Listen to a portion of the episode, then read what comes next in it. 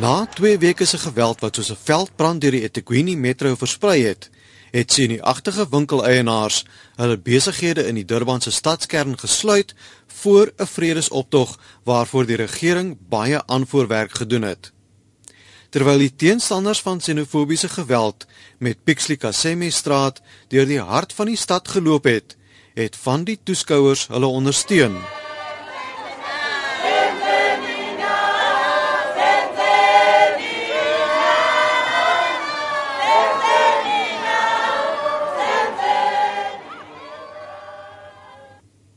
You know, my child yesterday, she said, Ma, I saw a man hitting another man for what?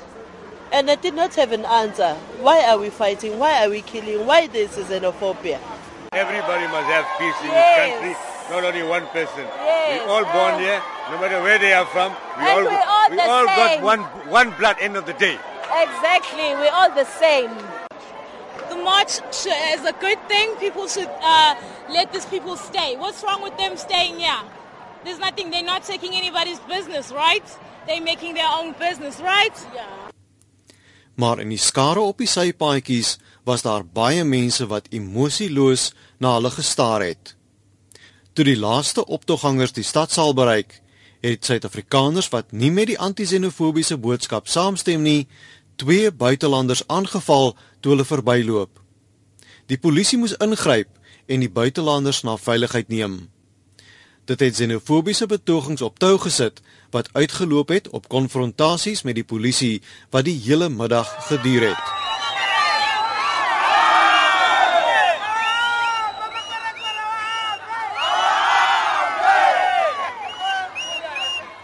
Die Suid-Afrikaanse betogers het gesing president Jacob Zuma het hulle in die steek gelaat. Hulle het geskreeu die buitelanders moet pad gee. Hulle is nie in hierdie land welkom nie.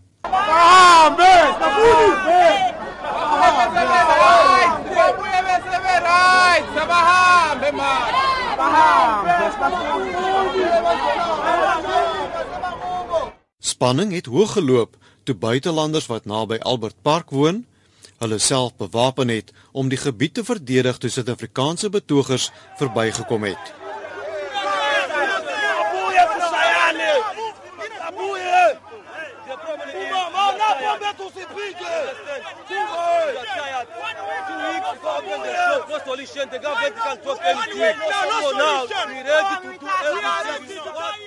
Een buitelander is in hegtenis geneem op aanklagte van aanranding en die aanhitsing van geweld nadat hy 'n Suid-Afrikaanse verbyganger voor polisiebeamptes geskop het.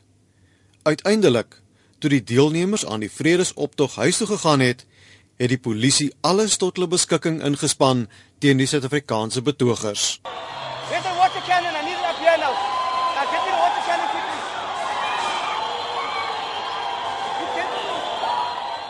Hulle het rubberkoels, traangas en 'n waterkanon gebruik om die betogers uiteen te jaag. Why are you here? Why are you here? Why are you here?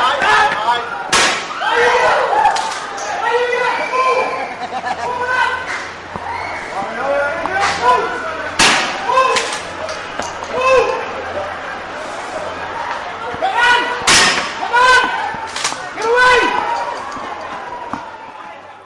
Die minister van staatsveiligheid, David Mahlobo, sê die owerhede ontvang inligting wat hulle help om die xenofobiese geweld te bekamp.